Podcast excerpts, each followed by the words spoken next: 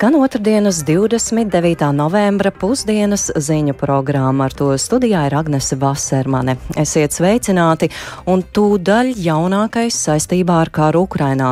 NATO ārlietu ministri spriež par palīdzības palielināšanu. Alianses ģenerālsekretārs uzsver, ka NATO nedrīkst pieļaut Krievijas uzvaru šajā karā. Programmā sazināsimies arī ar mūsu speciālu korespondenti Kīvā.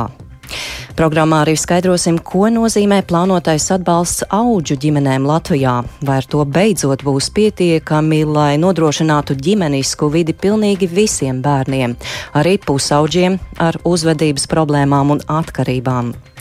Bet plāns gandrīz divkāršot elektrības tarifus ne tikai ir sadusmojis sabiedrību, bet rada virkni jautājumu arī politiķiem. Par šiem un vēl citiem tematiem tūdaļ arī plašāk.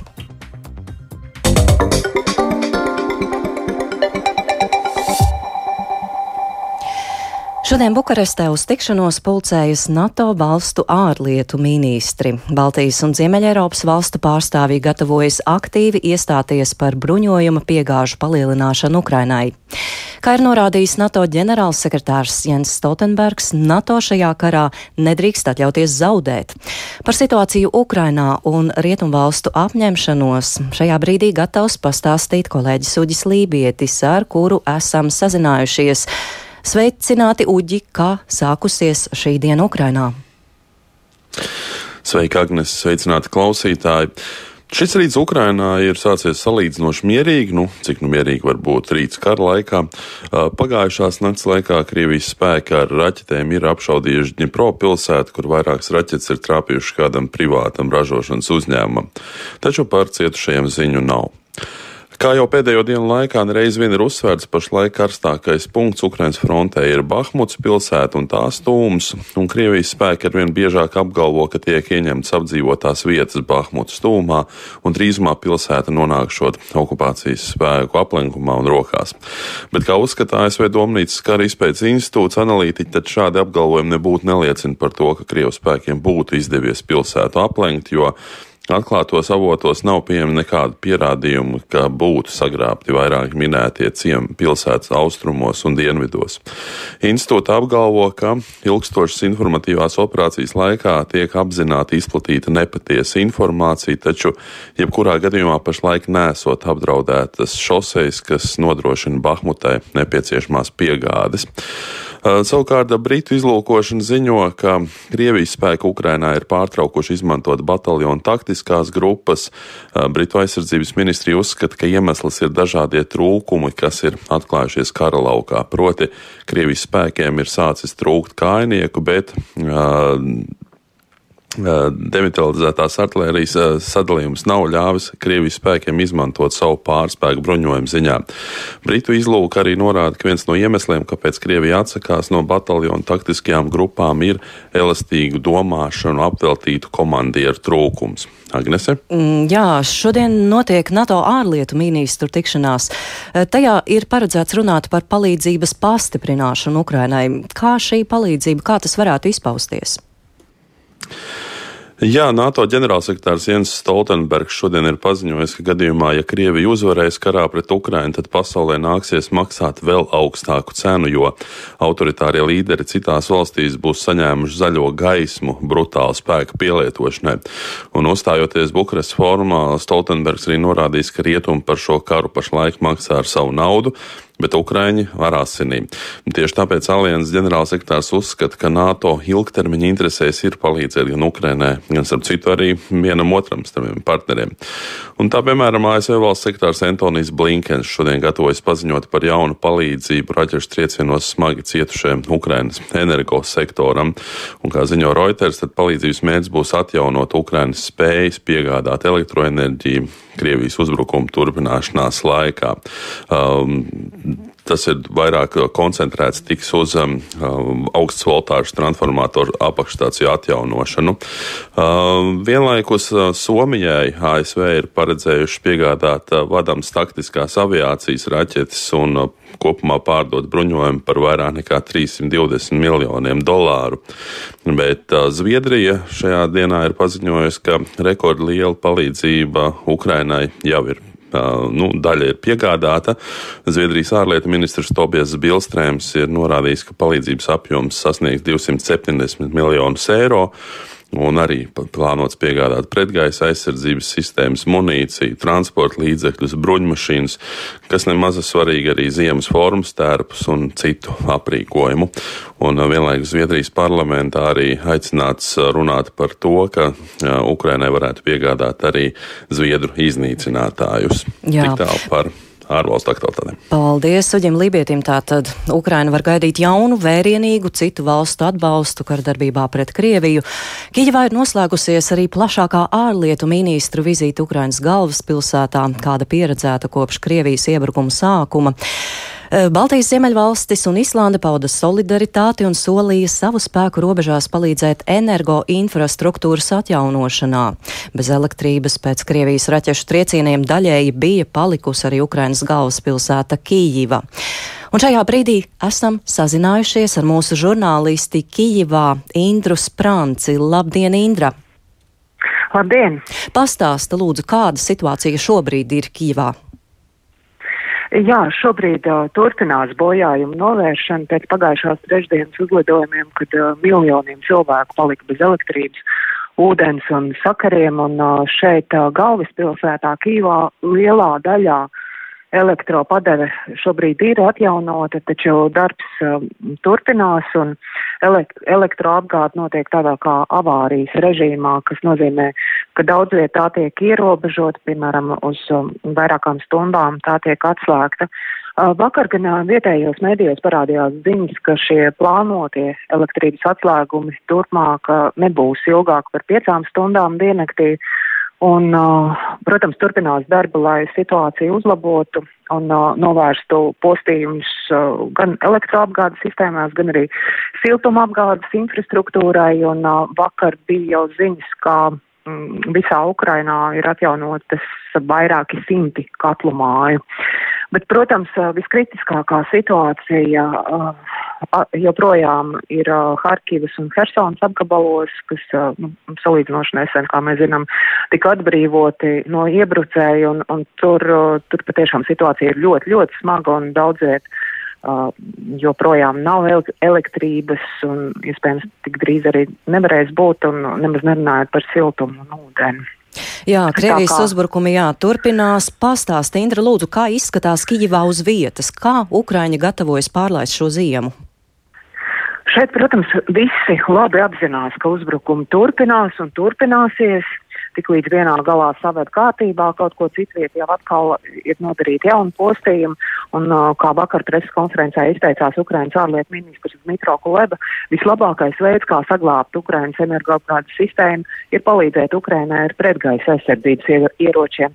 Taču Ukraiņi ir apņēmības pilni visas grūtības pārvarēt, un ir tāda sajūta, ka visi šie uzbrukumi tikai padara viņus vēl spītīgākus, vēl apņēmīgākus pārdzīvot šo ziemu un, protams, padzīt Krievijas karaspēku no katra kvadrātmetra Ukrainas zemes.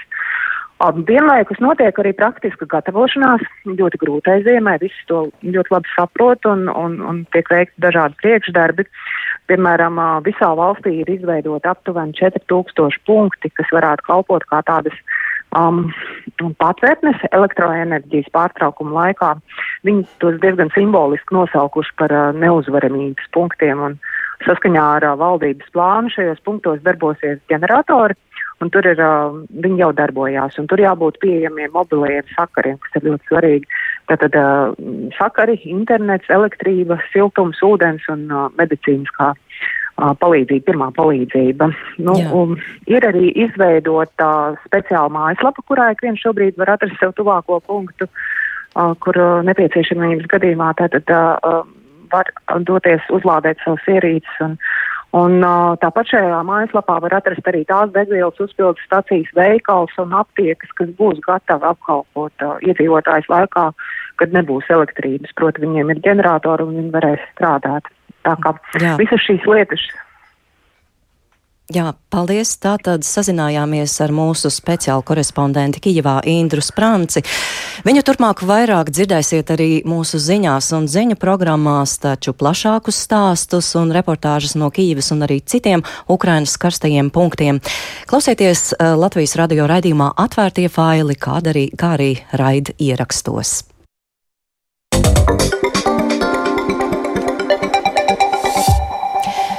Bet tematu par karu Ukrainā vēl nenoslēdzam. Ne visur situācija ir tik salīdzinoši mierīga, cik nu tā var teikt, kā Kijivā. Un daudzām, no daudzām Ukrainas vietām cilvēki ir devušies bēgļu gaitās.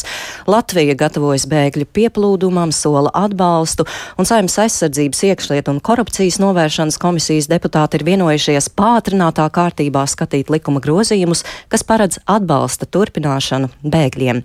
Vairāk par to gatavs pastāstīt Jānis Kīncis, kurš pievienojies studijās sveicināt Sveicināts Jāni! Kāds palīdzības apjoms Ukrainas bēgļiem Latvijā sniegts līdz šim īsi? Jā, sveicināt Agnes, sveicināt radio klausītāji. Līdz šim palīdzību sniegt apmēram 40 tūkstošiem Ukrainas bēgļu. Vienlaikus neviens nevar prognozēt, kāds būs viņu skaits Latvijā turpmākajos mēnešos. Šobrīd pārsvarā caur Krieviju un mazāk caur Baltkrieviju Latvijas robežu šķērso ap 500-600 Ukraiņas, bē, Ukraiņas bēgļu. Vairums no viņiem Latvijas šķērso tranzītā un te nepaliek. Taču iekšlietu ministrija un citas ministrijas gaida skaidrību saistībā ar nākamā gada valsts budžeta iespējām lai plānotu atbalsta sniegšanu tiem, kuri paliek Latvijā. Jārēķinās, ka iebraucēji no Ukrainas varētu būt vairāk ņemot vērā arī Ukrainas prezidenta Volodimira Zelenska aicinājumu drošības apsvērumu dēļ šoziem apmesties ārpus Ukrainas. Tā to vērtēja iekšlietu ministrijas valsts sekretārs Dimitrijs Trofīmovs.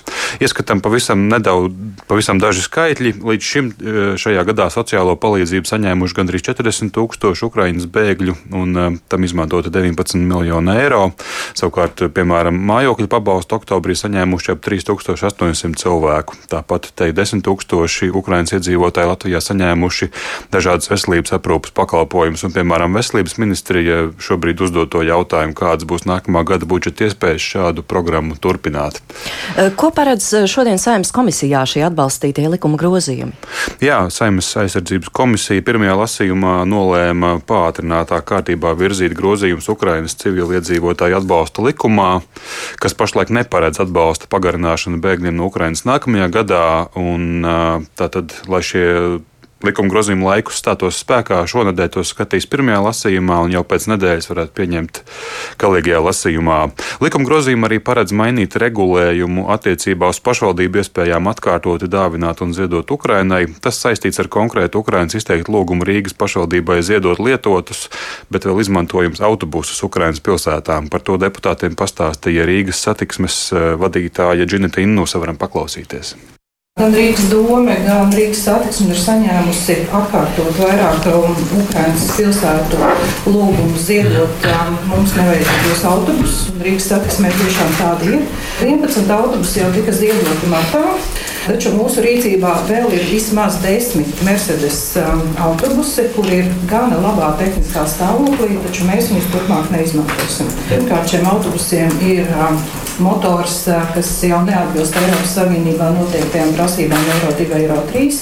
Mēs ļoti, ļoti labprāt šos autobusus nevis norakstītu un nodot metālu lūžņos, bet uh, vēl desmit autobusus varētu tiešām ziedot. Paredzēts, ka uzņēmums Rīgas satiksme šos autobusus varētu ziedot jau nākamā gada sākumā, un tad tos plānots nogādāt līdz Ukrainas robežai, kur tos jau pārņems Ukrainas pašvaldību pārstāvji. Jā, paldies kolēģim Jānim Kincim par stāstījumu. Tātad Latvijas institūcijas gatavojas bēgļu pieplūdumam, sola dažāda veida atbalstu. Un tik tālu par Latvijas centieniem palīdzēt Ukrainas bēgļiem, bet par palīdzības iespējām cita veida arī mūsu nākamais temats. Proti šobrīd valdībā tiek skatīts un plānots apstiprināt priekšlikumus specializēto auģu ģimeņu un ārpus ģimenes aprūpas atbalstam. Par iekļautajiem priekšlikumiem stāsta Labklājības ministrijas bērnu un ģimenes politikas departamenta direktore Ilze Kūrme. Jā, bet nozīmīgākie tātad soļi šajā ziņojumā noteikti ir tātad jaunas specializācijas izveida auģu ģimenēm. Tās būtu bērniem ar uzvedības traucējumiem vai atkarību problēmām un stātos savā darbībā aptuveni no 24. gada.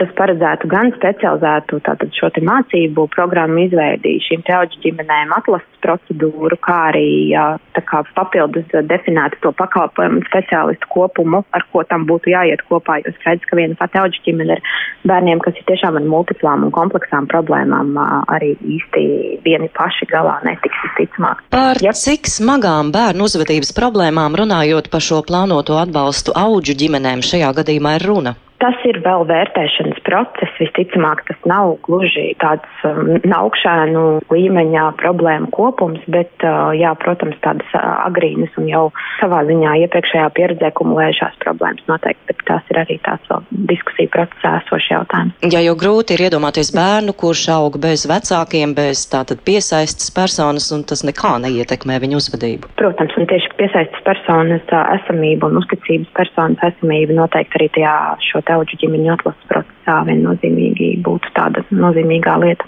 Jā, tas par auģu ģimenēm, bet runājot par pašiem bāriņiem un bez vecāku gādības palikušajiem bērniem, kādā veidā ir plānots palielināt atbalstu viņiem pašiem? Tiek tātad plānots palielināt šīs sociālās garantijas bāriņiem bez vecāku gādības palikušiem bērniem, tātad ceļot arī šos te uztur pabalstus, kas arī vairākus gadus nav pārskatīti, un šobrīd ziņojums arī um, atspoguļo tātad to ideju, ka uh, šim pabalstam būtu jābūt arī savā ziņā salāgotam ar vidējo ienākumu mediānu. Bet tas arī vēl diskusiju procesā, un tās ir arī mūsu savstarpējās sarunas vēl ar pašvaldībām. Dzirdējāt labklājības ministrijas pārstāvi, no kā var saprast, ka gadu gaitā auģu ģimeņu vajadzības ir vētītas un svērtas, un attiecīgos punktos sola papildu atbalstu. Vai ar to pietiks un cik reāli ir pavisam izskaust institūcijās esošo bērnu skaitu Latvijā, to vaicājām Latvijas profesionālo auģu ģimeņu apvienības Terēza vadītājai Ārijai Martukānei. Un viņa atzina, ka piedāvājumā ir saskatāmas vairākas nepilnības, un attiecībā uz auģu ģimenēm vajadzīgs liels lielāks izvērtējums. Ja mēs runājam tieši par šiem pusauģa atkarībām un uzvedības traucējumiem, tā ir smaga grupa un e, te ir svarīga sadarbība noteikti gan starp skolu, gan policiju, gan sociālo dienas, gan vāriņtiesu. Un bieži vien šī sadarbība iztrūks. Un tās tās lielākās grūtības, ar kurām saskarās auģu ģimenes, kuras tiešām arī uzņem šos pusauģus savās ģimenēs, jo sadarbības trūkums mums tā ir problēma. Es domāju, ka diezgan visās jomās. Vai ar labklājības ministrijas šajā ziņojumā minēto pietiks, lai palīdzētu visiem Latvijas bērniem augt ģimeniskā vidē vai saskatāmi vēl kādi trūkumi? Šobrīd ir tā, ka par ko mēs varētu runāt, kā ārpusdienas aprūpas atbalsta centri, ka tā darbība nav izvērtēta. Teiksim, ir pagājuši četri gadi un nav izvērtēts, kas šobrīd tiek nodrošināts ģimenēm, uz ko mums ir jāiet. Tāpat nav izvērtēts, teiksim, tas auģu ģimenes institūta kvalitatīva attīstība, jo šie noteikumi nav pārskatīti. Daudzas lietas, kas šobrīd jau nāk klāt, ko auģu ģimenei vajadzētu darīt, bet kas nav iekļauts noteikumos. Tāpat uh, ārpus ģimenes aprūpas atbalsta centri ir secinājuši daudzas lietas, kas arī tika ziņojumā iekļauts, nu kāda 140 apmēram priekšlikumu, ko vajadzētu vēl darīt, bet ziņojumā tika iekļauta daļa no viņiem. Un par pārējo, nu, es ceru, ka šī sadarbība ar ministriju notiks un tiks izvērtēts. Tā kā tas eh, mūsu skatījums ir krietni plašāks, nu, ja mēs salīdzinām ar to, kā ministrija redz šo kustību attīstību. Kopumā visiem plānotajiem atbalsta pasākumiem auģu ģimeņu un ārpus ģimenes aprūpas atbalstam nākamgad ir nepieciešama nepilni 7 miljoni, tālāk te jau 15 miljonu eiro. Bet par to, vai šī nauda tiks atrasta un iedalīta, jālēmj jau nākamajai valdībai. Un jauno valdību, kā daudzkārt arī radio ir izskanējis, gaida visās nozarēs, arī labklājības jomā.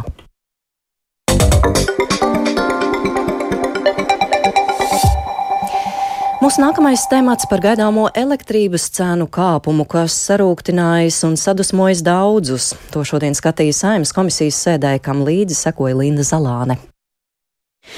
Sadalas tīkla tarifa projekts paredz tarifu no nākamā gada jūlija kāpināt par vidēji 75%. Savukārt augstsprieguma tīkla tarifa pieaugums būs 111% apmērā, un tas stāsies spēkā no nākamā gada 1. marta. Saimas komisijas deputāti jautāja uzņēmumu pārstāvjiem, vai tiešām šāds tarifu kāpums energoresursu izmaksu pieauguma izraisītās krīzes un inflācijas augšuplējas laikā ir pieļaujams, jo tas ievērojami ietekmēs gan mājsaimniecību, gan uzņēmumu ikmēneša mēneša izdevumus. Turpina Ainārs Šlesers no partijas Latvija pirmajā vietā. Es tā klausoties, gandrīz aizmigu. Šķiet, ka valstī viss ir labi, vai es kaut ko nesaprotu. Cilvēki saka, ka viņi nevar samaksāt par rēķiniem. Jūs pildiet tikai norādījums, uzstādījums. Tarifu pieauguma ieceres jau izpelnījušās plašu kritiku no dažādām politiskām partijām. To kritizē arī ekonomikas ministra Hilza Indriksone no Nacionālās apvienības, kura uzdevusi sadals tīklam tarifu pārstrādāt. Sadals tīkls izpildirektors Sandis Jansons sola korekcijas veikt. Ko mēs eh, pārskatīsim, tas ir elektroenerģijas cenas mūsu iepriekš minētās. Mums ir dažādi scenāriji, kā mēs šās pozīcijas varam piefiksēt uz nākotni, pārdomāt un mazināt jau šajā šajā tarifu projektā. Tarifu plāna korekcijas sagaidāms arī augstsprieguma tīklam, turpina Finanšu ministrijas pārstāve Olga Bogdānava. Šobrīd ir identificēti aptuveni deviņi virzieni, kā varētu šo problemātiku risināt. Tad, attiecīgi, līdz 20. decembrim premjeras gaida no ekonomikas ministrijas kopsadarbībā ar finanšu ministriju un kapitāla sabiedrībām izvērtētu analīzi par to, kurš no tiem risinājumiem varētu būt valstiski vispareizākais. Tas nozīmē, ka pašreizējais tarifu pieauguma plāns ir teorētisks un lielāka skaidrība par to apmēriem būs pēc tarifu korekciju izskatīšanas ministru kabineta sēdē. Linda Zalāne, Latvijas. Latvijas radio. Un mūsu pēdējais temats par ieviesto depozītu sistēmu. Latvijas radio uzrunātie iedzīvotāji Latgalē to vērtē pozitīvi, kas noteikti veicinot vidas tīrību. Tomēr ne visiem izdodas iepakojumus aiznest atpakaļ uz veikalu. Vieniem aizmirstas, savukārt citiem uz tuvāko depozītu nodošanas vietu jāmēro pārāk tāls ceļš. Par situāciju Latgalē šajā jomā turpina Lāsma Zute Vītola pašvaldība ir savā ziņā iekonomēs, jo gan degvielas cenas, gan sāls cenas droši vien ir paaugstinājušās. Ne.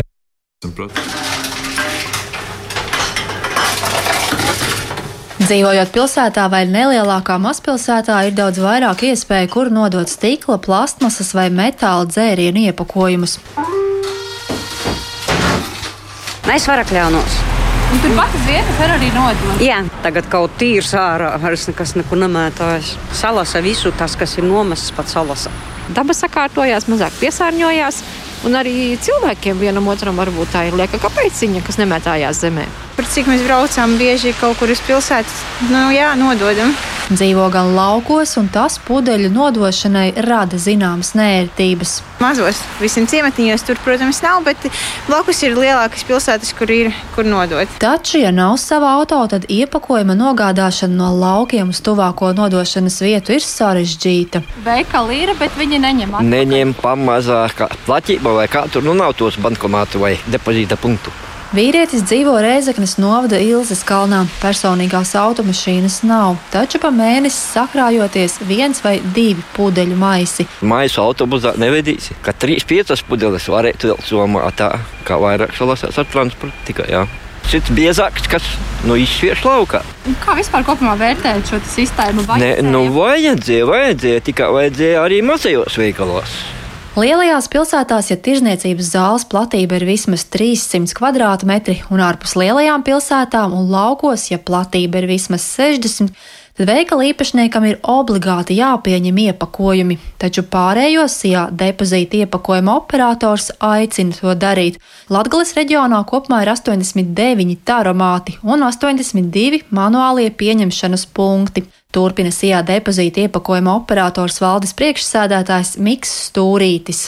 Papildus tam ir uh, šobrīd pieci tādi brīvprātīgi punkti manuālajā segmentā, jā, un vēl arī ir pieci tādi, kur tas apjoms jau ir tik liels, ka ir uzstādīti arī taramāti, jā, bet pēc likuma it kā viņiem nebūtu jāpieņem. Jautājot, vai tomēr nebūtu jāpārskata tirzniecības zāles minimālā platība 60 kvadrātmetri, par to varēšot spriest pēc laika jāņem arī vērā tas, ka, protams, pavisam mazam veikalam var gadīties, ka ir problēmas ar telpām. Šobrīd Latvijā kopumā ir vairāk nekā simts tā teikt brīvprātīgo depozīta pieņemšanas vietu, kurām likums nenosaka, ka tas jādara obligāti.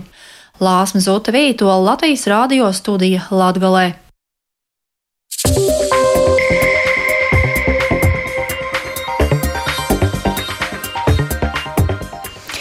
Un ar to arī otrdienas, 29. novembra pusdienas ziņu programma izskan. Producents Edgars Kupčs, ierakstus montēja Renārs Šteimanis, pie skaņa pults Kārlis Rašmanis, studijā bija Agnese Vasermane. Yeah.